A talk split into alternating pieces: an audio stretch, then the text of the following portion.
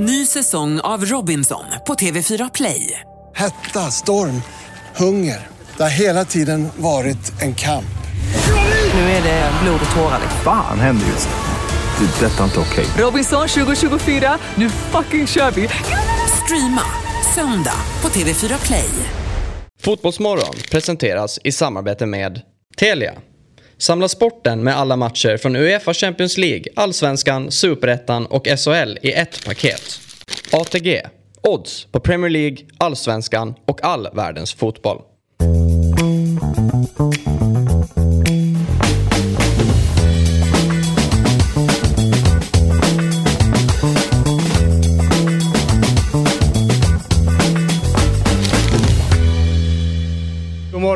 Och hjärtligt välkomna ska du vara till Fotbollsmorgon. 3 oktober, vecka 40. Och imorgon så är det de stora männens födelsedag om inte jag är helt fel. Nej, det är idag. Är det idag? Ja. Jaha, det är idag redan? Ja. ja mäktigt. Vi återkommer Du går till det. bort det direkt. Ja. Ja, det är jag. Men för att jag inte är så intresserad av just eh, födelsedagar på samma sätt som du är. Nej, men det är jag inte heller. Men den här är en dag man firar faktiskt. Eller? Vilken dag är det? Så vi kollar med Robin och ser vilken dag, om han vet vilken dag det Ja. handlar om. Vem, vem fyller år idag? Det är gånger två. Ja, gånger två. Ja. Och vem mer? Uh, jag ska. Ett stort grattis till Andreas Isaksson! Ja! Störigt. Inte samma sjukhus va? Nej, det tror jag verkligen Nej, inte men- med tanke på att... eh, jo, Båda det är kunde de Skåne. göra. Det Båda var i det var Skåne. helt omöjligt. Nej, Nej. så är det ju inte. Zlatan föddes ju en krubba. Det, är ju, Ja. det var inget sjukhus inblandat. Ja, Mm. verkligen. Isaksson var en, en av de som kom bort i krubban sen och tittade. De tre mumlande männen. Exakt. Alltid när man pratar om det här är det ner att. Isaksson kommer i... Nej. jo, den var bra. Där kom den. Nej. Kom tidigt i år. Ja, verkligen. Vi börjar om. Kör vignetten igen. Nej, men Isak, man brukar alltid säga att Isaksson kommer i skymundan för det här. Men det är ju tvärtom. Verkligen. Att han har verkligen lyfts fram av det här att han. Snart är han ju bara känd för det. Eh, Tyvärr. Nej, men alltså, I början så var det ju, kan man ju argumentera för att han, hans ändå som första målvakt i landslaget kom lite grann i skymundan. Men eh, det är ju fan, vilken dag fyller eh, Fredrik Ljungberg år? Nej, ingen aning. 16 april. Är det så? Okej, Henrik Larsson? Ingen aning. Nej. Martin Dahlin och Fredrik Ljungberg. Nej, man har inte koll på någon. På någon, förutom Zlatan och då eh, släpvagnen då. Wayne Rooney, 24 oktober. Varför, varför kan... För Ja, jag fyller 25. Ja, du, Han är ändå äldre än mig. Ja, det är fett. Men den, är, bra. Ja. Du, idag ska vi inte bara prata födelsedagar. Eh, vi ska eh, ta oss till Asien och Indonesien eh, och prata om Säg eh, datum, vilket som helst. tragedi. 29 maj. Ja. Det, det, vi måste ja. vattentäta skott med de här två samtalsämnena. Ja. Ja. Ja. Ah, Men alldeles strax så får du säga datum. Ja, tack så Eh, vi ska givetvis prata om eh, eh, Erling Braut Haaland. Och eh, det är inte ofta jag vill ge dig cred. Eh, men igår skrev du faktiskt någonting som var kul. Du har ju hållit på länge på Twitter. Men igår fick du till, till Ja. det. Ibland så. Var, konstgräs och Erling Braut Haaland. Där har du de tre största hoten mot eh, fotbollen. Ja. Det är jättekul. Han förstör ju fotbollen. Ja. eh, men vi ska i alla fall prata lite grann om det som hände i England. Och såklart eh, ska vi prata allsvensk fotboll. Vi har två stycken med oss. Gustav Lagerbielke, superspännande eh, back i eh, Degerfors, utlånad från Elfsborg. Och sen så Oliver Dovin. Men stora, dagens stora eh, ämne får vi ändå säga, det är ju dagens gäst, Tess Olofsson. Eh, må, eh, domaren i Superettan eh, som springer runt där och eventuellt då kanske kan ta steget upp eh, till Allsvenskan. Och är ju då eh, den, eh, den första svenska kvinnliga domaren som håller på och dömer på, på heltid på här sidan. Mm. Okej, eh, ska vi ta tag i eh, först Robin? Det var Mm. eh, ett datum, tack. Det blir 29 maj. Mm, varför det? Nej, det... Jag, jag tog vilket som helst bara. Ja. Okej. Jag förstår. Vad var bästa fotbollen i helgen, Robin? Jag, eh, jag tyckte eh, det var kul att se Real igår, eh, men eh, ja, det var ju, det var ju derbyfest i England. Det är svårt att blunda för liksom.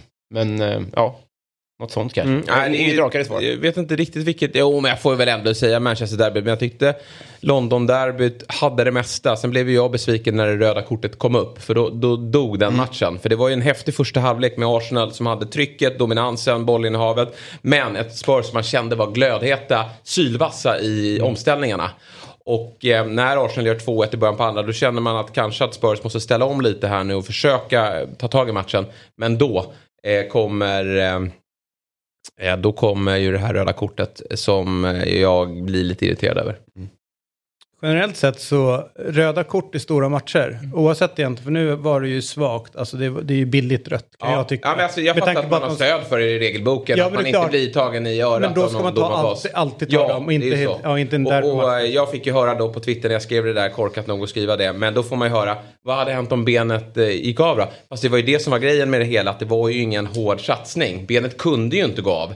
Eh, och det måste man göra lite skillnad på. Det är klart att om någon drämmer in med dobbarna för i derby och, och, och liksom spelaren flyger. Fast allt det där, jag, jag, jag är lite allergisk mot folk. Om eventuellt Ja. det och det ska... Nej, men det det inte. händer Nej, inte. alltså det är det som är grejen. Och en del tacklingar när, när faktiskt ben ryker Ja. kraftigt eller hjärnskakningar eller fruktansvärda saker är inte våldsamma tacklingar från början. Nej. Det är otur. Det är, en, det är en viss risk att spela fotboll. Ja. Så enkelt är det.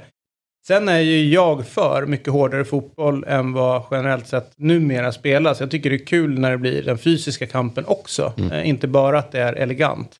Vi ska eh, hastigt och får vi ändå säga olustigt byta ämne i Fotbollsmorgon. Och eh, jag tror att alla har eh, sett tragedin och, och läst om tragedin i Indonesien. Där det eh, pratas om att över hundra eh, människor har avlidit och nästan, eh, eller dryga 150 personer är skadade efter eh, oroligheter i samband med en fotbollsmatch. Med oss nu har vi Sveriges Radios Asien-korrespondent Peder Gustafsson. Välkommen till Fotbollsmorgon Peder. Tack så mycket. Eh, först och främst, eh, vad är det senaste du hört om det som hände i Indonesien? Ja, men det vi vet nu det är att 125 personer är bekräftade döda och att eh, antalet skadade är så många som över 300. Och i värsta fall så kommer ju dödstalen gå upp eftersom de, många av de som är skadade på ett tiotal sjukhus runt om i, på Java, de är väldigt svårt skadade och det är klämskador de har. Eh, många, så att det är svårt att veta exakt vad de har fått för skador innan förskalet så att säga. Eh, som alltid när sådana här saker händer så är ju de första rapporteringarna är ju väldigt mycket osäkra uppgifter och, och eh, folk som eh, kommer med, med, med anklagelser kanske eller fakta. Man, det är svårt att bekräfta alla liksom, de, det som kommer fram. Så här med när det gått ytterligare några timmar, vad, vad, börjar, vad börjar klarna? Vad är det ni börjar få reda på om vad som egentligen hände och hur det kunde gå så här hemskt? Ja, helt klart är ju att hela, hela grejen inleddes ju med att fansen stormade planen och det berodde ju på att fansen för Arema FC som hade hemmamatchen de var ju ensamma på hela stadion. Det var ju bara Arema FC-fans inne på stadion eftersom motståndarlaget inte fick ha sina fans där. Eh, och sen var det också väldigt mycket folk. Den här arenan rymmer i vanliga fall 38 000 personer och nu var det 42 000 som var inne på arenan. Och det som spädde på det här det var att Arema FC förlorade för första gången hemma och då mot ärkerivalen på 23 år. Så det var deras första hemmaförlust på 23 år. Det här gjorde då att fansen stormade planen. De ville veta utav spelarna och tränarna hur kunde det gå så här. Då grips polisen av panik. För att de börjar skjuta med tårgas inne på arenan. Och det här är ju, det vet ju alla att eh, man ska inte använda tårgas inne på arenor. Eh, men inte då den indonesiska polisen. Så det skapade ju att det blev en otrolig panik. Inte bara nere på planen där det var tusentals fans utan också då uppe på läktarna. Där folk fick den här tårgasen på sig och försökte då ta sig ut. För de fick ju svårt att andas. Och de här gångarna på arenan, de är väldigt smala. Så där fastnar ju folk och till slut så kvävdes de eller trampades ihjäl. Så att det har ju varit en otroliga hemska scener där. Och det kommer ju vittnesmål nu från många av de som överlevde att polisen var otroligt brutal många gånger. Alltså de slog folk med eh, batonger och försökte få ut dem genom de här gångarna och det hjälpte ju knappast alltså. Är det vanligt att eh, supportrarna vill snacka så att säga med, med spelarna efter matcher? Alltså, var, var, det här, var det något exceptionellt som hände eller var det en helt normal, normalt förfarande efter matchen? Ja, det här är tyvärr eh, väldigt vanligt i Indonesien att fansen hoppar in på planen efter, efter matcherna. Och det är också väldigt vanligt i Indonesien att motståndarlagens fans inte får gå på matcher på bortaplan. För att det har varit så otroligt mycket bråk de senaste åren eh, i Indonesien. Eh, man brukar snacka om att indonesiska fans, det är lite utav bad boys här i Sydostasien. Och eh, senast, så, bara för något år sedan, så var det stora slagsmål mellan eh, indonesiska fans och malaysiska fans vid en, vid en landskamp. Jag tror att det var till och med vid kvalet till VM. Ehm, va- varför är det så stökigt runt eh, deras fans? Dels är det så här att det finns en fankultur i Indonesien som är nästintill hysterisk. Alltså man är manisk när det gäller att hålla på sitt hemmalag. Och det blir nästan, nästan till en religion. Och, eh, alltså vi snackar om firmor och sånt och fanklubbar i Sverige. Det är dagisfirmor jämfört med om man jämför med de här klubbarna i, eller de här fangrupperna i Indonesien. För att det är hardcore fans. Och eh, de, de jag skulle säga så här att de är på samma nivå nu som man var i Storbritannien eller Tyskland när man hade som allra störst problem med huliganer där. Då förstår ni läget vilken sorts mentalitet det är bland de här fansen. Men det här är ju ingenting som man bara låter vara utan innan pandemin så försökte eh, det indonesiska fotbollsförbundet sätta igång olika projekt som skulle göra att man lugnar ner situationen. Bland annat så är det ett lag från Yogyakarta som har sagt att hälften av alla fans på läktarna måste vara tjejer. Och det har visat sig vara en, en nyckel till att lugna ner situationerna inne på arenorna i alla fall. Men nu kan vi konstatera efter det som hände igår att eh, det, det är polisen som har eh, gjort fel. De sköt tårgas trots att man inte får göra det inne på arenan. Ut, utanför arenan sköt de in i butiker och skapade kaos där. Eh, det är ö- nästan 300 skadade, 180 döda. Eh, kommer det riktas någon form av kritik nu eh, mot polisen och kommer, kommer det eventuellt kunna bli förändringar rent mot hur polisen be, beter sig mot eh, invånarna? Ja, man hoppas ju det. Eh, Indonesiens president Joko Widodo sa bara några timmar efter att det här hände i lördags att man måste genomgå en ordentlig eh, undersökning och att den måste vara helt oberoende från den polis som var på plats. Och det kräver ju också nu eh, många av de anhöriga till offren att de som ska utreda det här de måste vara helt oberoende. Och därför har man också börjat snacka om att man eventuellt ska plocka in folk från utlandet som ska utreda vad som egentligen hände vid den här situationen på den här stadion. Och det skulle förhoppningsvis kunna gjuta lite, våg, lite olja på vågorna. För att det, är, det kokar just nu i Indonesien. Framförallt bland fansen som menar att det här är inte så ovanligt att polisen utnyttjar de här tillfällena till att ge sig på fansen. Hur länge kommer ligan vara stängd nu? För de, de stängde ligan igår efter, efter det här hände. Man har sagt att den ska vara stängd tills vidare.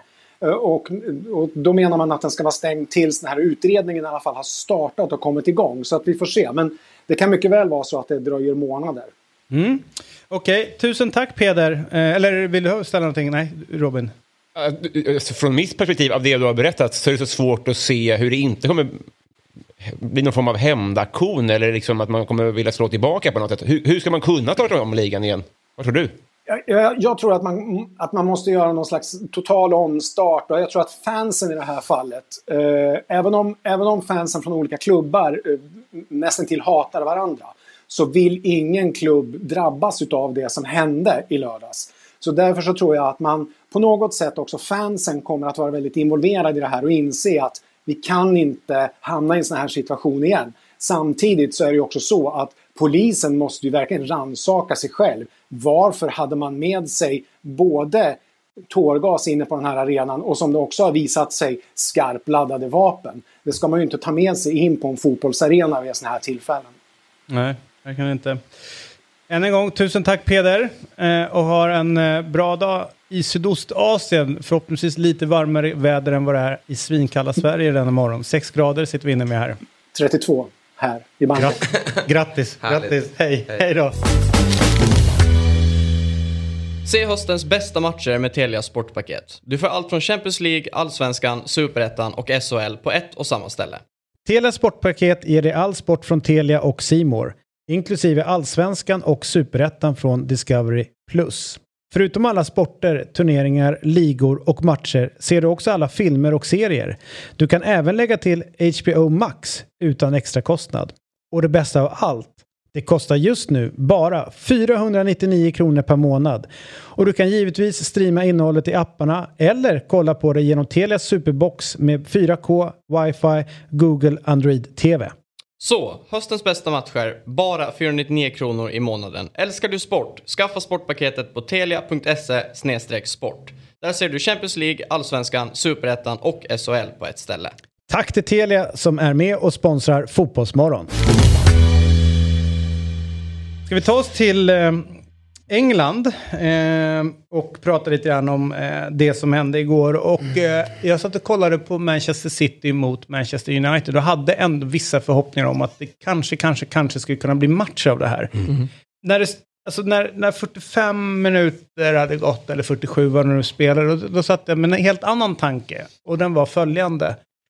Undrar om det är tuffare för City att köra internmatch på träningen än vad, det var, än vad det på riktigt är att möta Manchester United. Alltså så överlägsna är de. Ja, Men Åslund tyckte jag, och det var min känsla också när de klev av i halvtid, att det var ju inte... Oftast är man på motståndarna att de inte kommer upp i nivå. Men, men det var ju City som var fruktansvärt bra i första halvlek. Och United är ju totalt chanslösa. Det är en, det är en höjd i City-spel som det inte, de kan inte eh, försvara sig mot det. Och jag tror att hade det varit Liverpool i nuvarande läge eh, så hade det varit lika, eh, ja men kanske 3-0 då, men, men, men liknande siffror. Ja, ja. Det är ju en, en första halvlek som är bland det mest brutala man har skådat. Eh, Och inte, och inte bara brutalt i hur de spelar, utan brutalt i... Alltså jag delar fullständigt din uppfattning om att det var helt sjukt att se. Men sen om du lägger på den extra dimensionen att i det brutala så är det individuella prestationer och, och aktioner som är på en nivå som jag typ nästan inte har sett. Alltså Nej. det målet som eh, Braut Haaland gör när han vet, slänger sig Ja, fram nej, efter passningen till De Bruyne, eller från. Så det är så snyggt. Ja. Och den passningen, Ja. den är brutal. Och att han, alltså båda de har sinnesnärvaron i att lägga den passningen som är på millimeter. Och att han egentligen på, liksom, måste tajma den perfekt för att det ska sitta. Men det bara klickar i. Alltså det, jag bara Nej men det är så häftigt med de där två för de gör ju varandra till bäst i världen på det de är bäst på. Alltså eh, Haaland vill ju ha, jag kan tänka mig som nia i, i många lag man springer runt så är det så här, "Ah, fan jag får inte riktigt passningarna där jag vill ha dem. Men hade jag bara haft någon som är eh, sylvass här så, så kommer jag göra så mycket mål. Och vice versa, det har ju sprungit runt där utan nia ganska många säsonger sen Agüero har, har tappat tempo och känt att fan tänk om jag bara hade en målskytt då hade jag ju växlat upp mina siffror ytterligare. Och nu har de varandra och det har ju blivit precis så bra som man någonstans eh, trodde eh, här i somras. Och det målet, jag är också fascinerad över att eh, eh, Haaland, han är ju aldrig offside. alltså, för att han vet ju att han har sån fruktansvärd kraft i sitt steg och eh, att han kan hantera sin kropp, att han kan slängas efter en sån där boll och få den på mål. Så att jag behöver inte stå offside. Jag kan ta en meter på, på, på rätt sida snarare än att ligga helt exakt och, och kanske få stinsen emot mig. Och sen då att han slänger sig och skickar in den där. Eh, och även eh, första målet då, Varann skadad.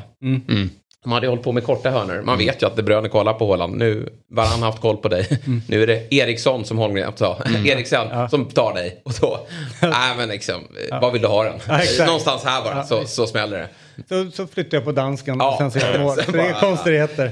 Men det är, alltså, Haaland är, han, han har liksom gjort dubbelt så många mål som tvåan i skytteligan. Men De Bruyne är samma, alltså, samma sak. Han har gjort åtta sits och tvåan har fyra.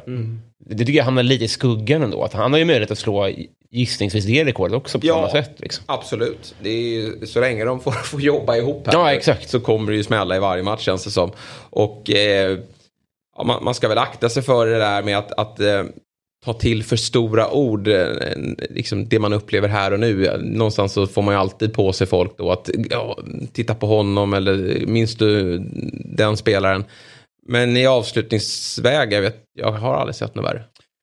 Nej, alltså, och jag är glad att du säger avslutningsväg. Ja, ja, absolut. Därför som fotbollsspelare Mm. så, så är han inte liksom... Nej, det finns det ju bättre. Jag, Alltså, typ, men, alltså, man han är inte dålig dock. Nej, nej, men han är ju jäkligt bra. Ja. Men som fotbollsspelare så... För jag såg någon som la, la någon grej så här. Kolla hur många mål han har gjort Mm. i jämförelse med Messi och Ronaldo. Ehm, och då kan jag tänka, eller tycker jag att både Messi och Ronaldo hade ju en annan dimension. De var liksom bättre fotbollsspelare ute i, alltså utanför boxen. Mm. Men om man ska kolla som roll, bara rollspelare, eh, så, så gläder det mig lite grann att man nu börjar prata om honom som just målskytt. Och då kan man börja liksom lyfta fram vissa försvarsspelare. Eh, om man tänker så här, Fabio Can- Cannavaro var ju en jävligt bra försvarsspelare. Man hittar det som folk som är bra på, på en viss grej. Men just som att göra mål, jag håller med dig. Jag, jag, just som att det är så brutalt. Mm, det, ja. det känns som att en boll som man knappt kan nå, men han har ändå koll på, på liksom den yttersta spetsen av tån, Mm. hur han ska kunna styra någonting. Alltså det är den totala närvaron Mm. eh, i alla lägen när det vankas mål är imponerande. Sen satt jag och kollade lite grann på eh, vad han gör in i straffområdet. Vad som, alltså, hur kommer det sig att han alltid hamnar rätt? Mm. Alltså, han är liksom nästan bara fokad på det går inte att förklara. Det, han, han har sånt sjukt rörelsemönster och han hamnar alltid rätt till slut. Sen är det ju inte bara De Bruyne där i den här matchen också, utan det är, det är ju Phil Foden som blir lite bortglömd där. Han gör ju också tre mål, deras egna eh, läda, och han är ju otroligt bra. Alltså vilken, det, ja, han är så häftig att kolla på, för där har vi någon som kanske ser lite vackrare ut i spelet då än vad... Mm. vad eh, Plus att den är ganska lång. Haaland är ju brutal, Ja. medan eh, Foden är ju liksom stilistiskt, nej men det han bara flyter fram. Du, eh, låt oss ta oss till eh, den svenska fotbollen. Eh, Åge Hareide uttalade sig i Sportbladet kring, kring fostran av eh, försvarare på konstgräs. Vi har ju pratat om att vi har problem att få fram eh, duktiga eller dugliga mittbackar. Vi kanske har en på gång som vi ska ringa upp sen lite senare. Men, Ja. men just nu i landslaget så, så säger de det. Då säger normannen Åge Hareide på detta sätt. Det är svårt att fostra bra försvarsspelare på konstgräs. Skillnaden på avståndet när du ska gå in i press är stor. En rättvänd anfallare eh, passerar en försvarare lätt på konstgräs. Som försvarare blir du rädd att bli passerad. Med konstgräs får du kortvuxna spelare som har snabba fötter och spelar på foten. Det är bra för bredden att ha konstgräs, men det är svårt att utveckla bra försvarsspelare. Så enkelt är det. Grejen är det att nu ska inte jag sitta här och eh, säga vad var det jag sa, men det här har fan varit min tes hela tiden. Att gå in i press på något annat sätt är annorlunda på konstgräs. Det blir en annan typ av fotboll. Eh, mindre närkamp på det sättet och du kan liksom vara mer skön med bollen runt hela. Så det är ju liksom, det är ändå intressant att liksom nästan alla som kommer, utlandsproffs som kommer hem och börjar peka på allsvenskan, de pekar, här är problemet. Utländska tränare, här är problemet. Men i svensk fotboll, vi har inget problem. Precis, och, och det, här är ju, det här går ju inte att gå emot. Du kan sätta en, en, eh, en, en människa som aldrig sett en fotbollsmatch i hela sitt liv och så kan du ta upp en konstgräsmatch och en naturgräsmatch. En gräsmatch. Det är ju helt olika. Eller helt olika, men det, det skiljer sig väldigt tydligt. Och det är väl klart att det blir andra typer av spelare vi får fram. Såklart. Alltså Eh. det, är, det, det är ju helt givet. Det är bara att titta på en match på Tele2 kontra på, eh, nere på Malmö stadion här i, i, i lördags. Det, är, det blir andra typer av matcher. Och sen är det intressant att se Degerfors har ju riktigt gräs på sin eh, stora valla där. De, har de tar ju sina hemmasegrar eh, och har kanske då lite större problem någon annanstans. Ehm, jag tror att Djurgården har ganska intressant statistik också med vad som händer med det laget på vanligt gräs och inte på plastgräs. Också betydligt sämre resultat. Jag har inte det helt i huvudet men det ska De tydligt har vara- en seger i år på... Sen har de vunnit ner i Europa ska Ja, sägas. men det ska man Eh. Ja, men- verkligen. Och men de då- har varit bättre tidigare år på gräs också. Det, har- det har inte varit lika stor skillnad. Men i år är det ju ganska eh, makabra siffror. Mm. Det, att vi alltså, eh, bara behöver ha en diskussion, eh, liksom olika underlag och vad man ska göra. Sen tror jag absolut skaderisken är stökig med att du måste byta underlag hela tiden. Och då säger jag så här, men det är ju inte så mycket på matcher. Du måste ju börja träna däremellan för att förbereda dig på match på, på, eh, på plastgräset. Eller om du ska kliva över på normalgräset. Så det, det där är någonting som jag tror att svensk fotboll måste liksom prioritera. Eh, och hellre införa det här istället för VAR. Alltså satsa de pengarna på infrastrukturen på de arenorna som är åtminstone i elitfotbollen, alltså superettan och eh, eh, allsvenskan. Ska vi kolla med en som spelar i ligan? Eh, hur det är jag. och eh, den här debatten. succé just nu. Ja, Gustav Lagerbjälke. Degerfors, men utlånad från Elfsborg som eh, mycket riktigt gör succé. Gustav, välkommen till Fotbollsmorgon till att börja med. Hur är läget? Jo, det är bra. Stort tack. Kul att vara med. Ehm, eh, måste kännas härligt att eh, fotbollen flyter på så pass bra som ni gör just nu. Jo, verkligen. Man ska inte klaga. Eh, Man eh, sovit gott nu lördag och söndag natt. Det var skönt. Hur var matchen mot eh, Djurgården? Jo, jag tycker det är en väldigt rolig match redan innan. Mycket folk, eh, fullsatt, eh, Stora Valla. Det betyder mycket för, för båda lagen och det är sådana matcher som är, som är roligast att spela. Och sen när matchen väl drog igång så ja, jag tycker vi spelade väldigt bra utan press och tyckte vi var värdiga, vin värdiga vinsten till slut också. Mm, nej, men det, det är ju häftigt att se Degerfors utveckling. Det var ju... Alex Axén sa väl det där i, i- då var ju inte du med i våras, men, men hade man förlorat där mot Sundsvall så, så åker Degerfors ur. Eh, nu har ni alltså tre senaste matcherna så har ni ju eh, fem poäng.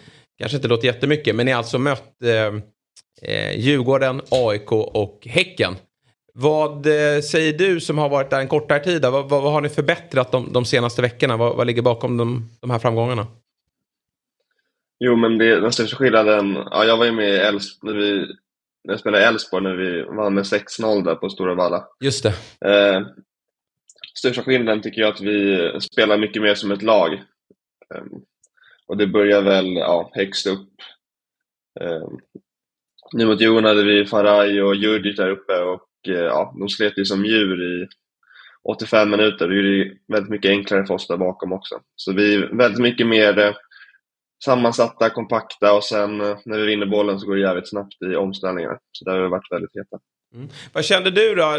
Det var ju skralt med speltid i Elfsborg eh, och så hörde Degerfors av sig. Varför eh, valde du att eh, kliva dit? Jo, men jag har alltid tyckt att Degerfors är ett lag, eller sp- spelar på sätt som, som jag vill spela. Trots att det är kanske ett bottenlag så är det alltid så här, uppmuntras en eh, positiv fotboll. Eh, och sen vet man ju att Degerfors har väldigt stark fotbollskultur och det är många bra mittbackar framförallt som har spelat i Degerfors. Eh, och sen var de väldigt eh, konkreta och visade sitt intresse. Så då var det egentligen en no-brainer att få spela kontinuerligt i all- i Allsvenskan. Du, kan, du berätta lite grann hur det är att förhandla med Patrik Werner? En karaktär får man ändå säga. Jo, verkligen. Nej, han, är, han är riktigt skön. Jag tror inte det är många andra klubbchefer eller sportchefer i Allsvenskan som, som är så. Men han har väldigt mycket karaktär och en väldigt, väldigt bra kille. Och han, eh, han, gör ju, ja, han är ju Mr Degerfors, liksom, så han gör ju allt. Innan matchen så har han liksom steker omeletter till hela laget. Jag tror inte det är många som gör det. Nej. Nej, det, det var ju kul här nu efter matchen då så fick han ju frågan om han eh, skulle försöka förhandla sig till en förlängning på Farajs lån. Men han, han har avvaktat det för att han, han kan inte engelska. Eh, han är dålig på engelska så att han, vill, eh, han vill avvakta det så länge som möjligt. Men, men då tryckte han ju också på att han, han, eh, det vore ju fint att, att få behålla lånen och då syftade han ju såklart på, på dig och eh, Eh, Omar Faraj, för det har ju varit en eh, otrolig succé får man ju säga för Degerfors att få in de här två namnen. För jag är, precis som jag är imponerad av, av dig då, så, så tycker jag att Omar Faraj ser ju otroligt spännande ut. Ja, jag håller med. Han har, han har kommit in och bidragit med mycket. Dels med mål, men dels med ett jävla slit och gnugg. Eh, och sen, ja, jag tycker han är otroligt underskattad fel vän. Jag skulle säga att han är, ja, om inte den bästa, så en av de bästa target-forwarderna i serien. Och då, då är han trots allt inte jättelång, utan typ 1,80. Men han är, han är jävligt stark där. Vilken av andra? Är det Kiese Thelin eller? Någon, eller vilka har vi? Ja, Jag har inte mött Kies Stelin, men eh, ja, Frick är bra. Han har ju, har ju mött mycket. Eh, och sen ja, Simovic är också svår att komma ifrån. Men Men sen är du- säkert Kistelin där uppe också. Eh, det som jag tycker var coolt med dig Gustav, det är att du eh, fick sätta på dig lagkaptensbindeln och jag blev så här, shit, det här är, eh, det här är spännande. Vad är det i din, eh, i din personlighet som gör att du liksom, på ganska naturligt sätt kan kliva in i en grupp och, och, få, och nå den positionen? Ja, bra fråga. Men eh, jag fick alltid vara så professionell jag kan. Jag kommer till träningen varje dag med målet att bli bättre. Eh, förhoppningsvis smittar det av till de andra i gruppen och man ja, kan eh, bidra med det. Och sen eh, ja, tycker jag själv att jag är ganska lugn när jag spelar. Försöker utstråla en pondus och ja, en trygghet där bak. Eh, och det var väldigt kul att tränarna uppmärksammade det och ja, att jag fick äran att ha kaptensbindeln. Eh, jag pratade med eh, Maripo som har haft dina tränare där i Degerfors innan och, och eh, Gravius någon gång tidigare. De, har, alltså, de är väldigt trogna till sin spelfilosofi, alltså ni ska spela mm. fotboll. och de säger att det är jäkligt roligt att spela under dem. Kan du försöka liksom, sätta fingret på vad det är de gör för att liksom, så pass många spelare uppskattar att liksom, verka i deras i deras verksamhet? Ja, jo, men jag skulle säga att det är väldigt det är stort eget ansvar under, under matcherna. Vi har ju en taktik och liksom här, vissa punkter som vi trycker på innan varje match, men sen, sen gör ju motståndarlaget grejer och då är det upp till oss spelare att försöka liksom, lösa den matchen i matchen, hitta numerära överlägen eller vilka ytor som, som bildas. Så det är väldigt mycket upp till oss spelare att ta ansvar och snacka med varandra. Det kan ju vara svårt för en tränare som står på sidan att se allting helt perfekt. Ehm, så jag tycker det funkat väldigt bra med att, ja, och sen eh, spelare är oftast, det är det vi gör som jobb liksom, så vi kan ju mer än man tror oftast. Så ja, jag uppskattar väldigt mycket att man får, får det ansvaret och att ja, man kan se själv vad som behöver göras. Visst är jag rätt på det att du har Martin Åslund lite som mentor va? Jo, stämmer. Ja. Vad får du för eh, tips från honom? Jo, men det har varit, eh, genom åren har det varit väldigt mycket. Nu lite mindre senaste tiden, men... Eh, nu har ju du kommit längre i din karriär än vad han gjorde. ja, han var duktig också. Han har några landskamper så jag ja. får... Efter det så får jag byta kanske. Exakt. Kan du bara tipsa, om honom, tipsa honom om, om livet? Nej, men han... Eh, nej, men det är väldigt... Han har tipsat eh, mycket om så här små grejer som kanske inte tränarna har tid med för de kanske ser det stora hela. Det kan vara små detaljer som så här fotnedsättning eller kroppsposition eller ja, allt möjligt. Men det har varit väldigt lärorikt. Vi har pratat lite grann om eh, Åge Hareides uttalande om problemet med svensk fotboll och då konstgräset. Och att det är en av anledningarna till att vi inte utvecklar tillräckligt bra försvarsspelare. Eh, nu eh, har ju du eh, en fin karriär på G, och, men är fostrad och har spelat väldigt mycket på konstgräs. Men nu är du på ett lag som spelar med på naturgräs.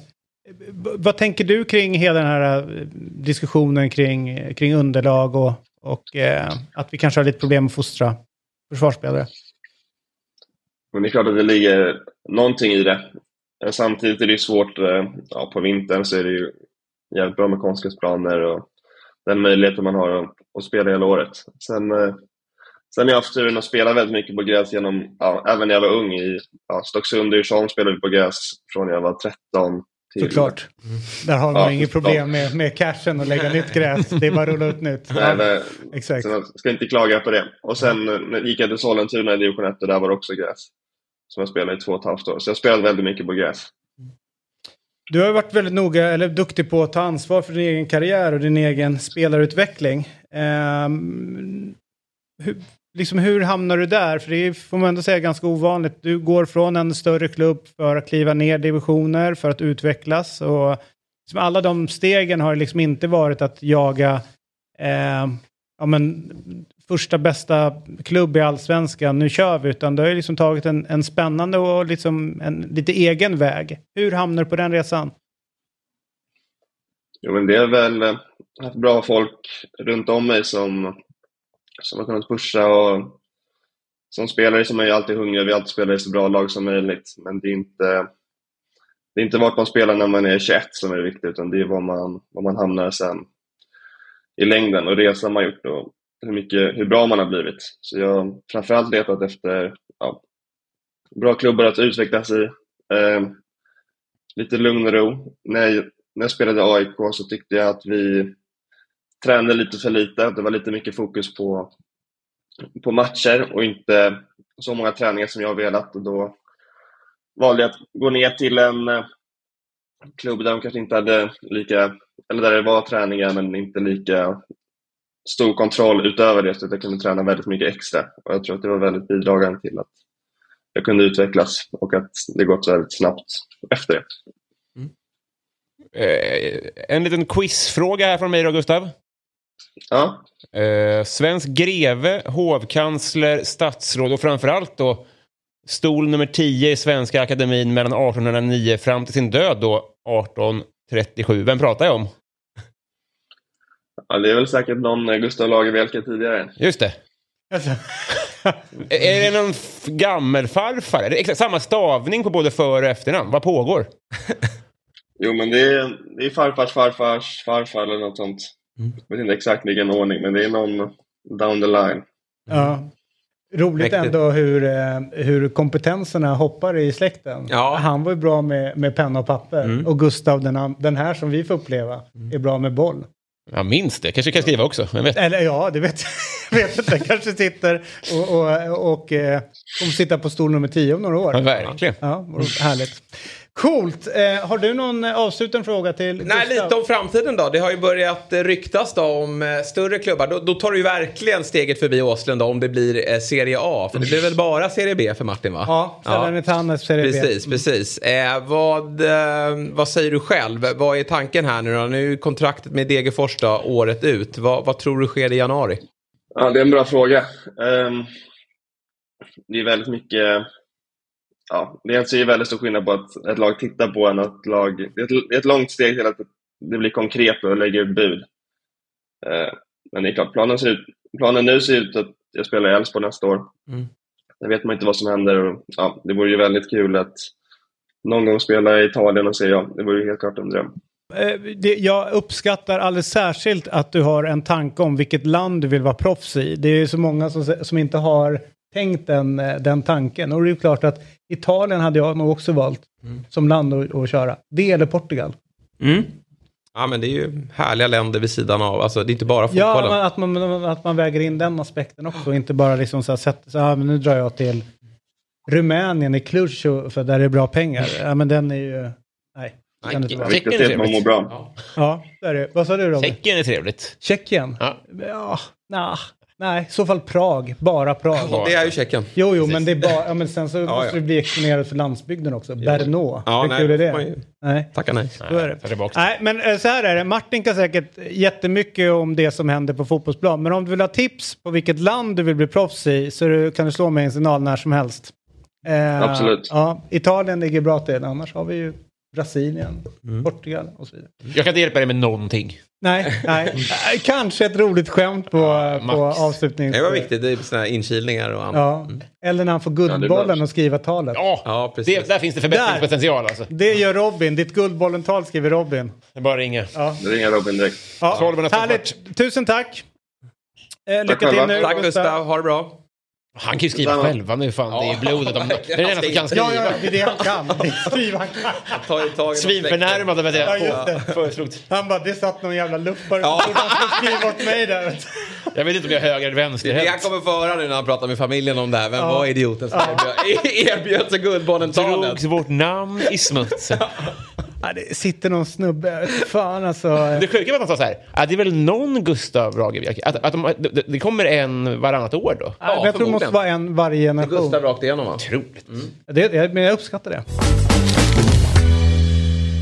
Och vi ska ju ta oss till det som Robin brukar säga är eh, eh, höjdaren. Det är att han går och vi fortsätter prata vidare. Eller hur? Morgonens höjdare. Ja. Det är morgonens höjdare men det här blir kvällens höjdare. Ja, exakt. Okej, det kvällens och jag höjdare. alltså. Ja, kvällens Som- höjdare. Vilken höjdare. Ja, vi gör det tillsammans med Telia och ATG. Mm. Och vi börjar med att kika på kvällens bästa tv-matcher. Eh, och eh, 19 och 10 eh, har IFK Göteborg och Elfsborg avspark på Discovery+. Plus. Men det visas även på Telia. Och förutsättningen för matchen är, vinner Blåvitt, alltså IFK Göteborg, så är de bara fem poäng efter Hammarby på tredje plats. Och är fortfarande med i matchen bland de lag som slåss om Europaplatserna. Nej, det är de inte. Du tycker inte det? Nej. För att de kommer inte nå dit? Nej, det All kan right. vi lägga ner. All right. Dessutom kommer Elfsborg vinna den här matchen. All right. Mm. Eh, med, med vad då? 2-1. Jag ser fram emot den. Eh, och eh, vad är det de brukar kalla det här derbyt? Elvestico. Eller... Det är bra. Åh. Mm. Det är bra. Nej, men eh, jag håller inte med om att Elfsborg är på G nu. De, de kommer göra en bra spurt här nu. De, de, är liksom så här, de har inte jättemycket... Jo, men varje tabellposition är ju viktig någonstans. Men det är inte massor att spela för. Men jag tror att de vill avsluta snyggt här nu och, och se till att eh, de får en bra känsla inför nästa säsong. Mm. Sen 2045 eh, är det på Simor Mm. eh, är det ju Hellas Verona. Mot Mm. Udinese som har överraskat. Hion mot eh, Di Natale, jag Ja, säga. men- Han är fan inte kvar. Nej, nej, men han, ja, men han, Vi kör på det. Han är Di säkert kvar. Han är kvar. Han är, Han är med, kvar. han är med ikväll. Men Udinese har ju börjat riktigt bra. Mm. De är ju, alltså jag, vilken sympatisk toppstrid det är i Serie A. Alltså. Ja. Napoli topp, Milan är med såklart. Eh, man känner inte igen en spelare i Milan. De bara alltså, tappar en spelare för varje gång. Som, alltså, de har ju ett ganska icke namnkunnigt lag som det är. Och så har de så mycket skador. Ja, så det, det är um, jättemärkliga spelare när man tittar på, eh, på de där matcherna. Men eh, han är bra. Rafa Leao. Sen är det ju matchen som jag kommer kolla på den är med stort, stort intresse. Jag börjar med eh, Blåvitt eh. Mm, jag med. Och gnuggar jag med. den. Jag med. Eh, Och sen så landar jag in då eh, på klockan 21 sen. Leicester mot... King Power Stadium. Ja. Leicester mot Nottingham Forest. Ja. Nu vänder det för Leicester. Här kommer första tre poängen. Mm. Jag hoppas ju inte på det eh, för att jag vill att det ska gå dåligt för Madison. För att du har Madison i ditt lag Ja, och det du- har inte jag. Hur många poäng är du uppe i Fantasy Premier League? Spelar ingen roll, jag har en poäng efter den här omgången. Är det den här omgången? Ja. Ja, men bra. Men, du har ingen spelare kvar eller? Jo, såklart. Ändå? Jag har två, tre spelare kvar. Nej, det har du. Jo. Vilka skulle det vara? Ja, men eh, med Kenta och... Kenta? Det? Nej, ingen. Eh, Eh, ja, fan vet jag vad jag har kvar. Jag har några spelare kvar. All right. Kvällens spelförslag från redaktionen kommer här och de ryggas via dob.one atg och kommer finnas också i social, sociala medier. IFK Göteborg v Elfsborg, båda lagen i mål. Dalot minus två hade du. Okej. Ja, men hur fan ska jag kunna veta att de skulle vara så pissdåliga i den här matchen? Ska inte hålla nollan i alla fall. Nej men jag satte Sinchenko på bänken var därför. För han var tveksam. Strunt samma, jag är mitt inne och berättar en vis, viktig grej. Kör. Ja. Leicester över ett och ett halvt mål. Du tror att det lossnar för dem. Du Mm. tror, Jag eh, tror Vardy hela- är tillbaka i elvan också. Mm. Udinese över ett och ett halvt eh, mål. Mm. Också där. Eh, och det här gör odds på 5,80. Och det är ju så att eh, det går ganska bra för dem i spelredaktionen här ute som vi har. För att i, i helgen så satte de ju, eller gick ju bra på Big, eh, Big Nine. 1500 spänn Mm. tillbaka. Mm. De var nära och jag tror det sket sig på Barca där va? De hade överspel där i Big Nine men fick bara, det blev väl 1-0 där, Lewandowski. Ja. Det Ja, det, ja, Mm. annars hade de ju plockat hem nio rätt då. Men det, det är en tidsfråga innan det sitter. Eh, här blir det i alla fall tre rätt, vilket är ju bra. Då vinner man 580 gånger pengarna. Men man måste vara 18 år också för att få spela. Yes, och och om man har problem. stödlinjen.se. Välkommen Tess! Tack så jättemycket. Vad, vad fan, det går jättebra för dig, eller hur? Alltså känner du det också? All, det är många som pratar nu om din, din gärning. Ja, men det, det har varit ett intensivt år och framförallt sen jag kom tillbaka efter skadan så har jag ju blivit uttagen både till EM och VM i Costa Rica och sen mycket superettan och några matcher i damallsvenskan. Så att, eh, Det är kul. Eh, intensivt schema. Vad hade du för skada? Hälseneskada. Okej. Som du drog i match eller? Jajamän. Osh. Så jag, jag trodde aldrig jag skulle bli utburen på bår. Jag klarade min spelarkarriär men helt plötsligt så blev jag utburen som domare. Det hade jag inte riktigt eh, med på CVt eh, innan. Aj, jäklar. Eh, Berätta lite om din karriär. Du är tidigare elitspelare eller? Ja, precis. Jag är målvakt i... Satt på bänken i damallsvenskan. Det var svårt att peta Caroline Jönsson. Så jag spelade i Malmö FF tidigare eh, när jag var yngre.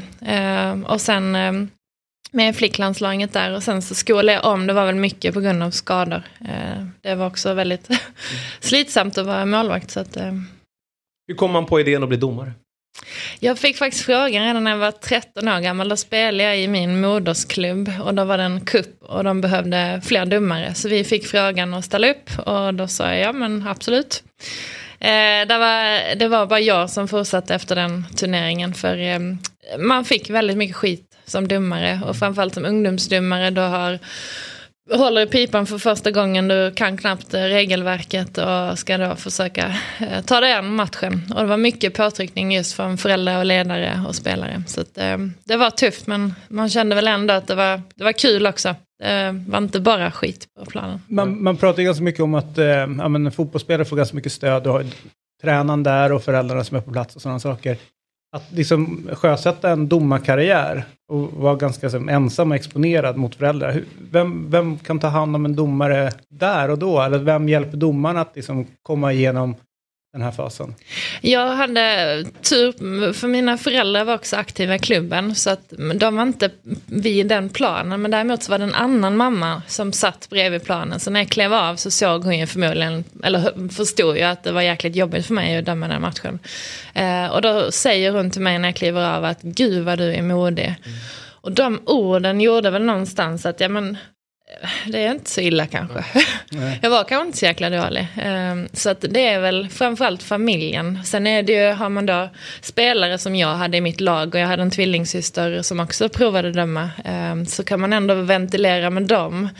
Ehm, Men som sagt, det betyder väldigt mycket ibland om publik eller ledare säger att man har gjort en bra prestation. Så för det ju en framåt också.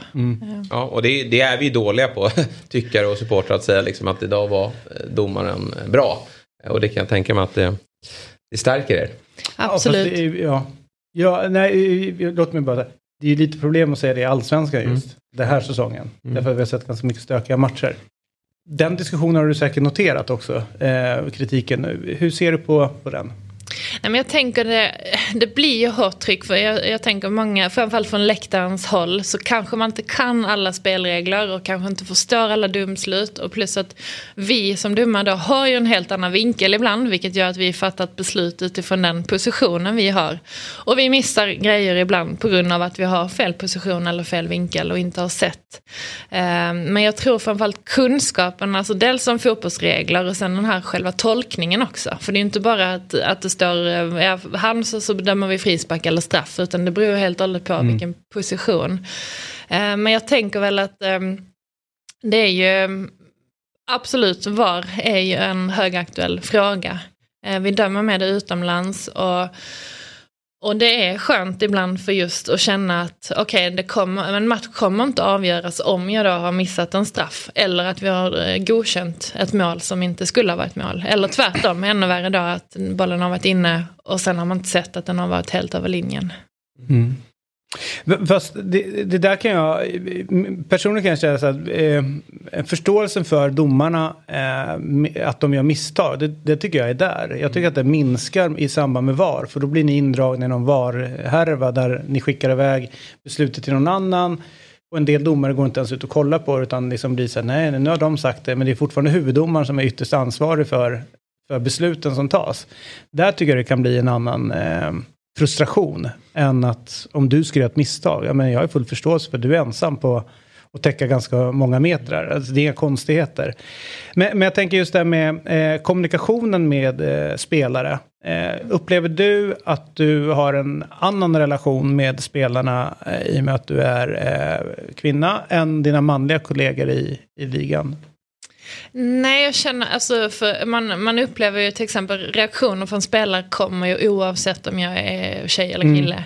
Eh, däremot så upplever jag att om jag har dömt ett lag tidigare så det är lättare att skapa en relation och man kan, alltså man lär ju känna varandra också. De vet vilken nivå jag har, jag vet vad det är för typ av spelare eller vilken spelidé de har och eh, taktik och liknande. Eh, så att jag, mer med erfarenhet och just att du, att du dömer spelarna oftare.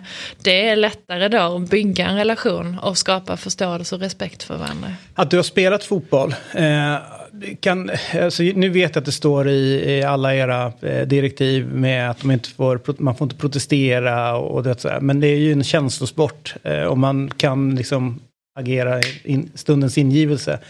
Har du större förståelse då för, för just det i och med att du själv är före detta spelare? Ja, man kan förstå reaktioner. Det är som jag brukar säga till spelarna ibland att vissa reaktioner köper man för att det är spontant och det är klart att de får reagera. Men fortsätter det sen beroende på vad det är för typ av gester, då måste ju vi som domare agera. Så att så då brukar man ha den dialogen med dem att eh, jag förstår men eh, beroende på vad de då har gjort för gest. Att vissa gester är inte acceptabla därför får de en varning även om man kan förstå frustrationen. Säga, eh, det, alla har ju spelat Det finns några alltså, ärkesvin som spelar alltså, på en fotbollsplan sådär. Eh, man behöver inte närma, nämna några namn men man har ju stött på folk så. Hur svårt är det att liksom skala bort det känslomässiga runt en spelare? Låt säga att det är någon som beter sig som ett svin mot dig en match. Och sen så har du honom omgången efter. Hur, hur, hur svårt är det liksom att koppla bort det? Alltså för jag själv är ju långsint. Jag hade ju legat hemma, Mm. liksom så här, den här jäveln ska få röda kortet. Första bästa tillfället så åker han ut liksom. Men där är inte du, tänker jag. Nej, men utan där jag tror analysen är jätteviktig efter match. Att analysera första matchen då. Varför blev det som det blev? Varför nådde jag inte fram till spelaren? Eller varför fick jag inte acceptans för mina domslut? Och sen lämna den matchen bakom sig. För det är så himla viktigt att gå in i neutralt läge inför nästa match. De ska inte alltså, fortsätta bygga på. Har de fått en tillsägelse i första matchen, ja då får de varning direkt det första som händer i andra. Utan att nollställa. Däremot så kanske man då kan fundera på vilka verktyg ska jag använda? Ska jag ändra mitt matchledarskap eller min kommunikation, mitt sätt att prata med spelarna för att kanske då hantera spelaren på ett annat sätt? Men är det som eh, en del eh, eh tränare som när de blir mer och mer erfarna, de har ju de brukar säga, jag vet att Svennis sa en gång så här, att när poletten ramlade ner, det var när han insåg att det inte var eh, fotbollsspelare utan det var människor han hade att göra med. Eh, liksom hur, och, och, det gjorde att han liksom utvecklades i sin liksom, kommunikativa del.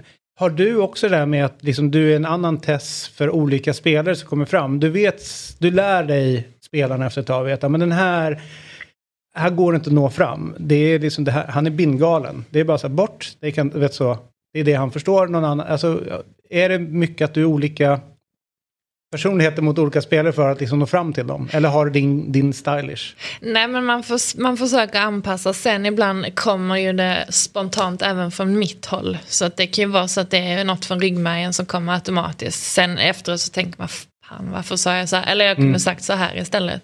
Eller gjort annorlunda. Eh, men man försöker anpassa för att då nå fram till just den spelaren. För det är ju med alla människor. Du kan ju inte behandla en kollega eller kompis eller eh, om du träffar din gamla rektor så mm. kanske du inte snackar på samma sätt som du gör till din kompis bredvid. Nej, tänk man ändå kunde göra det. Ja. men det, att du inte har VAR i seriesystemet i Sverige men du har det när du eh, är utomlands på VM och EM och sånt där. Hur mycket hämmar det din utveckling att du inte har det på samma sätt som domare utomlands kanske har? Det är klart att det är en betydligt större utmaning för att just komma ihåg själva alltså proceduren, att alla var, var checkar var till exempel. Och det här med att starta då på deras signal eller avsluta matchen med att fråga eh, kan jag avsluta nu? Ni har ingenting att checka. Mm. Eh, och glömmer jag det, ja. eller till exempel jag drar igång en avspark efter ett mål. Och sen har de en offside situation precis innan målet. Mm. Men då har jag redan godkänt målet genom att starta avsparken. Ja, Eh, så att för min del under EM så var det ju min andra match med VAR. Mm. Och det är ett stort mästerskap. Medan det finns andra domare som kanske har 50 matcher mm. i bagaget. Mm. Så det är klart att det är just... Men å andra sidan så är du knivskarp varje jäkla match du dömer för du får inte göra fel. Medan dina kollegor som har 50 matcher de går runt och idlar och tänker det är lugnt, där släpper jag att det var. Så du är en bättre domare än vad de är. Det var en bra tanke, den tar jag med mig. Ja. Men hur funkar det då? Man har dem inte i örat hela tiden? Jo, ja, det är så. du har det. Ja. Eh, och, och de Eh, som sagt, det finns ju vissa grejer som de tittar. De- De tittar ju alla mål, eh, alla straffsituationer, alltså allt som är inne i straffområdet. Eller till och med alltså det som också kan vara en frispark precis utanför, om den är nära linjen. Ehm, och sen det här om jag varnar fel spelare. Och sen då direkt röda kort, vilket innebär tacklingar av större dignitet, går de ju in och tittar. Men, men har de då bevis eller en videovinkel som kanske inte går, det går inte att säga att det ska vara gult eller rött, utan de kan stötta båda besluten. Då kommer jag ju bara få i örat check complete, så då får ju inte jag en andra chans att se situationen. Har jag då visat det röda och jag får check complete, ja, Men då har de ändå gått in och sagt att det här sku, du, du gör inte fel i det här läget. precis. Men, men det intressanta tycker jag det är ju domarnivåerna. Vi, vi här är det två av tre är ju anglofiler eh, och gillar den brittiska fotbollen mer. Och där har de ju släppt på. De tillåter ju mycket hårdare spel, mer fysiskt spel än vad man gör i många andra ligor. Och det gör ju också att VAR-bedömningarna är på en helt annan nivå. Så det, det, där blir det också spännande liksom med vad, alltså vad är VAR? Vad är en korrekt liksom VAR-bedömning? Ja men det är ju återigen så är vi tillbaka till det du började nästan med. Det är ju så mycket bedömningar. Ja. Regeln säger något men sen så är det upp till dig att göra den bedömningen. Mm. Ja, för vi har ju, det är ju olika domare och det är ju olika domare som sitter i varummet. Så vi har ju inte alltid samma vardomare. Och de här vardomarna är från olika länder, olika ligor. Och det gör ju såklart att det, eh, det kan ju vara att de ser, alltså analyserar situationen på ett annat sätt. Men tycker du det fungerar bra VAR-systemet idag? Nu har jag ju känt på det under EM och U20-VM. Eh, så att jag, jag har för få matcher för att kunna uttala mig om hur, alltså hur- eh, så, säga att det här funkar bra eller dåligt. Eh, däremot så har man kanske olika riktlinjer då, beroende på vilken liga eller om det är Uefa eller om det är Fifa. Som vi måste anpassa oss efter. Nej, men jag förstår ju att domarna tycker det, för det, även om det blir fel. För det, det upplever vi, alltså, vi har ju ett, liksom ett, ett, ett, tydligt exempel. Det var ju Sveriges senaste match här mot Slovenien. Jag vet inte om du såg det, men när Viktor Claesson blir puttad. mm. Och han kollar ju liksom i varum, men jag, jag fattar inte hur de... eh, Det var väl straff, eller? Den, eh, jag har faktiskt kanske inte är så jag har inte, nej, eh, det kan ju vara att de har en annan vinkel, för de har ju Ja. annan kameran bakifrån mål. Och de tar ju fram alla vinklar, dels från straffområdeslinjen, huvudkameran, målkameran, Mm. för att då zooma in och så spela i normal hastighet för att se hur mycket kraft är där i. Är det tillräckligt? Men, men jag... kanske, men från, från vår vinkel kändes det som straff i alla fall. Precis, men har de då en annan vinkel och sen är det också det här på video. Mm. På, på tv så kan det se annorlunda ut medan live så kan det vara en helt annan känsla. Den Men- kan vara jätte, om man säger billig, Ja. vilket gör att domaren släpper det. Och då kan ju VAR stötta att spela vidare. Mm. Men, men Tess, eh, jag, jag får lite ont i huvudet utav VAR just att man, det du beskriver nu och man nagelfar situationer. I min värld så är liksom, domaren kommer inte till till en fo, fotbollsmatch för att nagelfara utan det var ju för att liksom se till så att folk håller sig till reglerna. Eh, och det, liksom det som händer nu är ju så här, jag, jag hopp, så det som hände Martin Hansson, det är ju Frankrike, Mm. om det var. Irland eller Mm. liknande, på Parc des Princes eller vad det nu heter där borta i Paris. Stade de France kanske det Ja, heter. precis. Eh, det är ju Henri som tar bollen med handen, helt uppenbart. Mm. Hela världen ser det. Men assisterande står, är täckt, Martin Hansson är täckt. De ser, in, de ser inte det. Där tänker jag var ju anledningen till att man kanske började prata med, med om VAR. Att det ska vara uppenbara, tydliga fel. Det är då man går in. Men millimeterfel av vinkning på en offside är inte tydligt fel på det sättet. Eller att nagelfara, är det här en straff i minsta detalj och sådana saker. Känner inte du att man liksom har pushat fram det lite för långt? Eller vad, vad, vad tänker du kring det hela? För att det blir liksom en annan, nästan som en annan sport eh, och en annan liksom bedömning runt det hela än vad det var tidigare. Jag har själv fått testa att sitta i videorummet och jag kan säga att det är sjukt svårt och komplicerat. För precis som domare så har du, alltså, du ska göra den här kontrollen eller checken så fort som möjligt. Sen ska den bli rätt såklart. För vissa checkar tar kanske bara 20 sekunder medan andra kan ta tre minuter. Eh, men jag tänker ändå att när det är de här avgörande, till exempel att hela bollen är inne men att domare eller assisterande domare inte ser det, att då godkänna så av, av många anledningar tycker jag att det är positivt med VAR. Sen givetvis så kan det grejer. utvecklas. Ena är goal line technology, den fanns ju innan. Mm. Och den, kanske, den var jag emot såklart från början, men den kan jag nog köpa. Liksom, så här, Men tycker du att Klas, de borde inte gått in på Klasens situationen? För den är väl inte hur clear and obvious som helst? Jag tycker absolut inte man ska gå in Nej. på den. Därför där gör domaren en bedömning. Fast man blir ju lack när den... Eh, Vi har ju VAR. När den döms bort, alltså det inte blir någon straff för att de har VAR. Jag förstår om en domare kan bränna det, men är irriterande när VAR är där. Ja men då säger de som att sagt, den de kanske inte hittat en ja, men, då som är, är... det- men då säger de så här säkert där att det är clear and obvious. Det var inte det utan man skulle kunna släppa den för att det är mindre puss, Ja. och sådana saker. Men, men någonstans så liksom man inför det för att man inte ska få Martin Hansson situation. Men det blir nu till millimeter eh, liksom kollar. Och det är väl där som jag tycker det blev lite galet med implementeringen utav det. Ja men som sagt det är ju olika, olika re- regeltolkningar eh, beroende på vilken liga eller om det då är EM eller VM eller så. Eh, men just när det är clear obvious då går de in och är det inte det utan det här att man kan stötta, supporta utifrån vad domaren beskriver. Beskriver jag på planen lätt knuff, han, eh, han lägger sig lätt eller för mig, not enough Mm. for me till exempel. Då är det svårt för VAR om inte de har den här solklara pu- pushen då i ryggen med sträckta armar och rejäl kraft i knuffen. Ja, då går man inte in, utan då har man fått beskrivningen från mig som på plan. Så här upplever jag den. Du pratar om din andra match där i EM. Så här. Var det inte weird att känna sig övervakad plötsligt på ett jobb som man har gjort på ett annat sätt så länge? Var det en stor skillnad för dig att börja med det?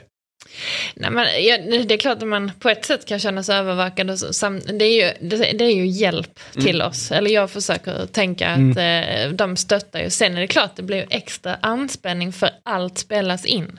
Tidigare min kommunikation i mitt team, det har ju inte spelat Ah. in. Så alla mina svordomar registreras ju och de hör ju exakt vad jag säger. Och om en den här jobbiga jäveln kommer, då bara nej, inte den här idioten nu igen. Nej, men, eh, och det är ju, eh, så det är klart att det är lite extra anspänning men samtidigt så att, att se det som något positivt. Har jag missat en straff, vilket jag gjorde med Hansen eh, och då, de ropar ut mig och då är det med, ja men då, då blev det rätt. Nu Är det fick, pinsamt då? När, när, de- när de, de ropar att fan, då hade du fel. Ja. Förut kunde du ändå bara, nej men som jag såg det så var det inte det. nej, eller det beror på vad, den här situationen är, är jag osäker för att det, för mig ser det ut som att det tar typ överarm axel och då ska vi släppa den Nej. i så fall. Men det visar sig att det tar lite närmare eh, armbågen och att Är den är utanför eh, kroppen. g- Ja precis, t-shirten. Och hade den varit då enligt t-shirten, ja då hade ju min tolkning eller bedömning varit rätt. Fan, jag ska börja med t-shirt som går hela vägen exakt. till axeln. Långa med Ja, inte- ja, exakt. Men varför måste du ut och kika på den? Räcker det inte med att vardomarna säger att test du den där är, det här är straff, du behöver inte ens ut och kolla på den? nej, Men det är inte nej. ett faktiskt beslut. Ett faktiskt beslut är om det är en uh, offside. Ja. Då har de dragit Ja, ja, linjer. okej. Då behöver inte jag ut och kika. Om det inte är tolkning att en uh, anfallare till exempel eh, stör en försvarare eller målvakt. Mm. Då måste jag ut och göra den tolkningen. Men Och, det är ju en... det är det som jag, det stör jag mig och det är helt bra att säger det. Huvudom måste ut för det är ytterst ansvaret. Jag tycker Jo, det. men ändå, Det ingen det, roll. när de kallar ut det till en skärm, då är det ju för att de tycker att det är straff. Eller ja, och det, ja, precis. För att de har bilder som Ja. visar det. Sen kan jag fortfarande när jag har Ja, klivit men det har ju ut... typ aldrig hänt. Att någon... Ja, det, jo, det har faktiskt Har hänt det att, det? eh, Mm, att domare står på Ja, sig. Och, och ibland så har den domaren fått rätt och ibland har de sagt fattar. att Men du skulle ha ändrat. tillfällen när... Man vet ju när det är skärmen, nu, är det, nu blir det någonting här. Men även när eh, det har hänt situationer också som eh, VAR helt släpper och då framstår ju domaren till slut som eh, liksom så här, ja, du, har- du har inte koll. Jag tänker på när eh, de drog Cucurella i håret. Ja. Alltså sliter ner honom. Det kan ju inte vara... Så Mike Dean sitter här, han är väl ja, lika förvirrad där har varit inne på, man ska inte ha sån här frisyr som du och Kuckarei Nej, har. det är det. Så det är frisyren som är problemet. Ja. Eh, ja, men, då, men då blir det ju så, så, såklart blir man ju irriterad på Mark Dean som sitter i varummet och tänker varför han var dålig som fotbollsdomare nere på plan. Varför får han sitta där uppe och var- fortsätta vara dålig? Men man blir ju också irriterad på domaren. Du vet så här att eh, du har hjälpmedel, varför kan du inte ens ta den här? Så det blir, kan bli dubbelfel när inte din kollega där uppe ropar till ordentligt. Alltså det förtroendet och det teamkänslan du har med dina assisterande tänker jag inte riktigt finns med VAR. Men innan en match, om du är huvudansvarig och den som leder egentligen liksom allt det, samlar du VAR domarna också och går igenom och nu ska vi göra det tillsammans och alltså, Ja. de, de blir en del av ditt team. Ja, precis. Så vi, vi blir, eh, alltså då, eh, till matchen så får vi en om man säger, kallelse allihopa. Och, och sen så träffas vi ju dagen innan, vi har träning tillsammans och vi analyserar innan och har genomgång och så. så att- Var det gänget också? Ja. Och det är det som är extra kul nu, att vi, då får man den här eh, samhörigheten. För Mm. eh, som sagt, vi, vi har inget lag, eller vi skiftar ibland kollegor, vi dömer med olika personer hela tiden. Så att vårt, vårt lag är ju inte fast. Utan, eh, förutom till exempel då Jonas Eriksson som hade sitt team konstant. Medan vi skiftar och vi skiftar då vardomar. Och det gäller ju att vi pratar ihop oss också, för jag måste ju veta hur, vad kommer de använda för ord och termer? Eh, och vad ska jag säga för att underlätta för dem? Så att de vet. Och de då länderna där VAR även är i deras nationella liga, kommer de då med ett team som även liksom inkluderar VAR-människor? Eller är det fortfarande att eh, teamet är liksom eh, kanske de fyra domare som åker runt eller tre domare, vilket gäng man är. Eh, Men man har aldrig med sig sitt VAR-gäng.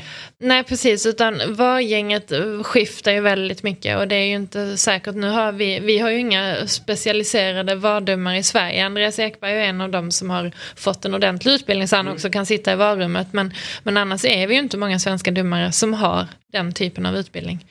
Så att jag hoppas ju att vi, att vi kommer få det, för du, du får en helt annan förståelse. Det är samma, har du som spelare då testat på att vara domare så kanske man inte eh, är lika Nej. vass. VM 2010 var det helt roligt. De skickade upp eh, nästan alla, alla journalister. Fick åka, det, det är helt fascinerande ställe under mästerskap. Domarna bor ihop liksom som ett stort kamp.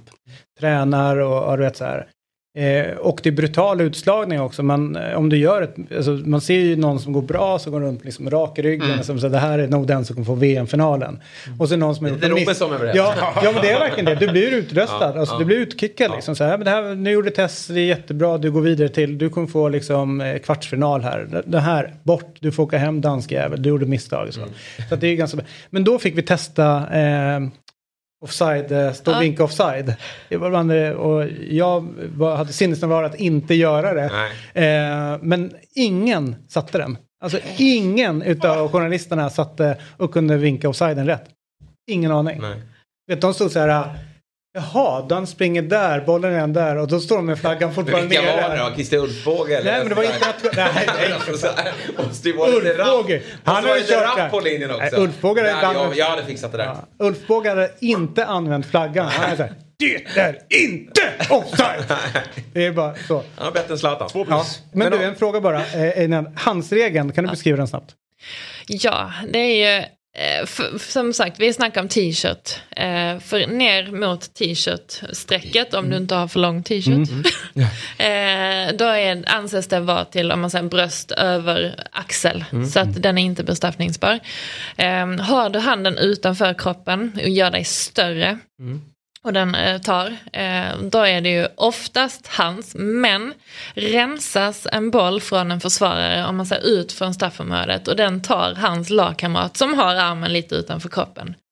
Då är inte den bestraffningsbar om hans medspelare har spelat bollen. Eh, men sen har väl också om det är studs på mage, Precis, hand, då ja, är det för- inte heller för då... Från egen kroppsdel, men det beror ju också på, för har du armen extremt eh, utanför kroppen onaturligt, ovanför axeln till exempel, ovanför huvudet och den tar eh, från egen kroppsdel, då kan det ändå vara bestraffningsbart. Men du känner dig trygg eh, i eh, liksom, regelboken kring hans eh, när du springer runt. Det är bara som, alltså, det bara, ibland kan det vara svårt att se det. Men du känner dig trygg i vad du ska fatta för beslut Nu, eller? ja precis, nu Ja. känner jag mig trygg i Ja. det. Men vi, hade ju två du, handsituationer då under EM i Belgien-Island-matchen. Och där den ena, den studsar från en lagkamrat. Eh, armen är lite utanför kroppen men inte mycket så den är inte bestraffningsbar. Men där säger jag i headsetet "For- from teammate. Men jag, då är det ju det här eh, deflection, alltså studs. Så det är inte att min, eller hennes lagkamrat har spelat den. Så hade hon haft den lite längre utanför, då hade ju det varit hans. Men det går så jäkla snabbt att hinna, hinna se även om du kan tycka att du har en bra position. Men vinkeln kanske är sådär. Just att det går eh, snabbt och det går ju snabbare på här sidan. Eh, vilka extra krav ställer det på dig med just tempot? Det är ju framförallt sprinten. Eh, uthållighet också givetvis. Sen, sen är det ju, jag upplever att ju högre upp du kommer så blir det ju mer om man säger, ordnat spel. Vilket gör att, eh, sen kan det också bli tre kontringar på raken, alltså även eh, i högsta ligan. Men, men det är ju en helt annan kanske spelidé jämfört med lägre divisioner. Men, eh, men det är ju vi, jag som tjej ska ju klara herrarnas eh, löptest eh, för att få döma på den Och nivån. där sa Lasse Granqvist att det är ehm, det som håller dig borta från allsvenskan just nu, herrallsvenskan. Stämmer det? Nej, för jag gör redan det testet för att, så jag uppfyller kraven Ja. om man säger löptestmässigt för att Ja. kunna döma allsvenskan. Snyggt. Blir det herrallsvenskan nästa år? Vi får se. Jag ska jobba för det. Ja. Det, det, det är handlar det- mycket om erfarenhet Ja. också av matcher. Mm. Det komma in i en serie och sen jobba sig fram. Sen konkurrerar jag med sjukt duktiga killar. Nja. Det, det, Nja. är, det är många grabbar där ute som, eh, som också ligger på väldigt hög nivå. Fast, Mm. ja, fast du, alltså, du måste ändå känna att det har gått bra och att du har liksom... Ja, men folk pratar ju om att du gör, alltså, det går bra för dig nu. Det måste du känna av. Det är jättekul, just som vi pratade om, alltså, det är ju en av anledningarna till att man också orkar fortsätta och ha den här motivationen när man, när man får då från vissa spelare eller ledare eller supportrar ibland eller liknande. Bortsett från tempot, vad skiljer att döma en, en dammatch kontra en herrmatch? Eh, liksom, är det en annan respektfull ton i, i något av någon av matcherna eller vad skiljer? Alltså det är ju mycket känslor i, Ja. i, i båda serierna. Så, att, så det och mycket handlar också om tabelläge. Alltså, och är ett lag pressat och, och det är liksom, man ligger på kvalplats, det är klart att där är ju ännu mer reaktioner eh, i vissa av de matcherna. Sen är ju också underlaget, jag menar är det en blöt eh, naturgräsplan eller konstgräs och studsar annorlunda och det är liksom många parametrar. Eh, men det är klart, eh, det är flera situationer att bedöma eh, i vissa här matcher. Och som skåning så är du helt för eh, att fotboll spelas på naturgräs. Jajamän. Jajamensan, där har vi det. Det är en helt annan fotboll. Fan vad bra. ja. Men du Tess, eh, välkommen tillbaka. Tack. Jag ska jobba på Skånskan. Så att om du lyssnar på framöver så kanske det dyker upp här utan att vara här. Ja, men när det är klart sen när Tess får döma um, herrallsvenskan då, då, Ja. då får du komma tillbaka. Ja, ja men även innan. Men, och, eh, Nej, det blir ju precis. snart klart. Då ska vi sträva efter det. Ja. Precis, det är målet. Att komma tillbaka. Ja, exakt. Skit i karriären, bara få komma tillbaka till de där idioterna igen och Ja, snacka. Ja, är det är härligt. Tusen tack för att du kom den här Tack. morgonen. Nu ska vi eh, byta fokus till eh, matchen igår på Malmö stadion. Där det blev 0-0. Eh, jag tycker, förrgår var det. Eh, I lördags var det matchen. Eh, och jag tycker att det var absolut inte en 0-0 match per se. Utan det var mer en eh, mer underhållande eh, tillställning än, än så. Eh, Efter matchen så blev Oliver Dovin intervjuad av Discovery och det var så härligt för att det fanns liksom inte, Oliver visste inte vilken fot han skulle stå på. Glad, missnöjd och så vidare. Nu har vi med oss Oliver eh, och det har gått eh, ytterligare några timmar. Vad liksom, när du tänker tillbaks till matchen, vad, vad, liksom, vad är det för bestående intryck du har? Eh, alltså det blir, det blir svårt eh, direkt efter matchen att uttrycka sina känslor. Eh, men jag, jag tycker samma som jag tycker igår. Fortfarande svårt för mig att, att säga ja, om man ska vara glad eller inte. Det är lite mittemellan. Ehm, självklart så vill vi ha tre poäng för att, för att haka på där uppe, men eh, hålla Malmö bakom oss.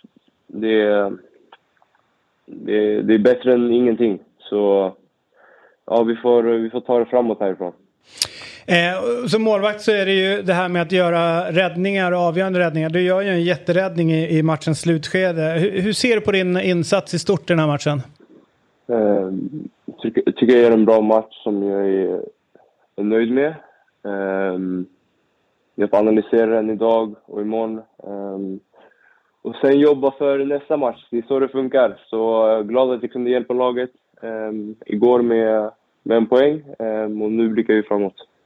Eh, det här med att eh, både du och Davor har liksom varit lite in och ut. Jag är ju för den principen att liksom en målvakt inte är, liksom är, ja, opetbar utan man går på form. Har det varit svårt känner du nu när det varit lite fram och tillbaka på, på, på er två att liksom komma in och spela eh, matcher när man har suttit på bänk någon match innan?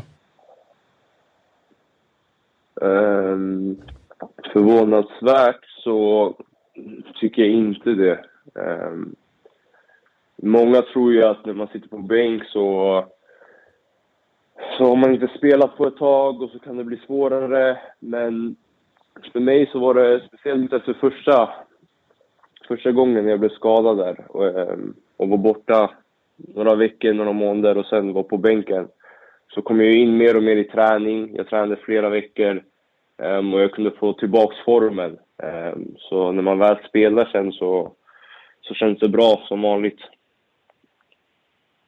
Vad känner du kring det här med att ni, ni har ju haft en liten tuffare period nu med, med ehm, lag på, på den övre halvan och, och, ni har ju inte vunnit någon av matcherna samtidigt har ni inte förlorat särskilt många heller utan ni, ni, det har blivit många kryss. Har det varit frustrerande att ni inte riktigt har liksom eh, tagit ikapp det här försprånget som Djurgården och Häcken har? Och, och det, efter varje match så pratas det om att där gick ju tåget men, men i gruppen, ni måste väl ändå känna att det här lever? Ja, vi känner ju vi känner att det lever fortfarande. Um, det är som att det är nio poäng upp till någon av dem. Um, om vi kollar på spelscheman så, så finns det ju en chans. Så vi kommer aldrig ge upp hoppet förrän sista matchen är spelad. Men eh, det, det är klart det finns frustration över att vi inte har, har tagit så många poäng mot topplagen som vi kanske skulle ha gjort. Um, jag tycker att ehm, vi har spelat en bra fotboll och vi har haft chans de här matcherna att vinna den, men marginalerna har inte riktigt varit på vår sida. Men eh, vi, som sagt, eh, det som har hänt har hänt. Nu får vi kolla, kolla framåt. Eh, vilket lag tycker du har varit vassast i år? Eh, svår, svår fråga. Jag, jag kan inte... Jag skulle inte kunna säga ett lag. Eh, alla topplagen har ju varit, eh, varit bra. Eh, men jag kan inte peka ut ett lag. Bayern i väst alltså? ja. Härligt. Eh, Ja. eh, Oliver, tusen tack för att du var med den här morgonen. Eh, och eh, grattis till en bra insats i, i matchen mot eh, Malmö. Du, du imponerar, må jag säga. Tack så mycket. Och jag hoppas att, du, att kroppen mår bra nu. Du har haft lite problem med, med knän och sådana saker. Men jag hoppas att du kan eh, få en, eh, en period nu när du är skadefri och eh, bara kör. Yes. Tack så Härligt. mycket. Vi, vi hörs och ses Oliver. gott. Ha en bra vecka. Och med, med de orden så tackar vi för visat intresse den här morgonen. Vi är tillbaka imorgon. Hej då! Fotbollsmorgon presenteras i samarbete med Telia. Samla sporten med alla matcher från Uefa Champions League, Allsvenskan, Superettan och SHL i ett paket. ATG. Odds på Premier League, Allsvenskan och all världens fotboll.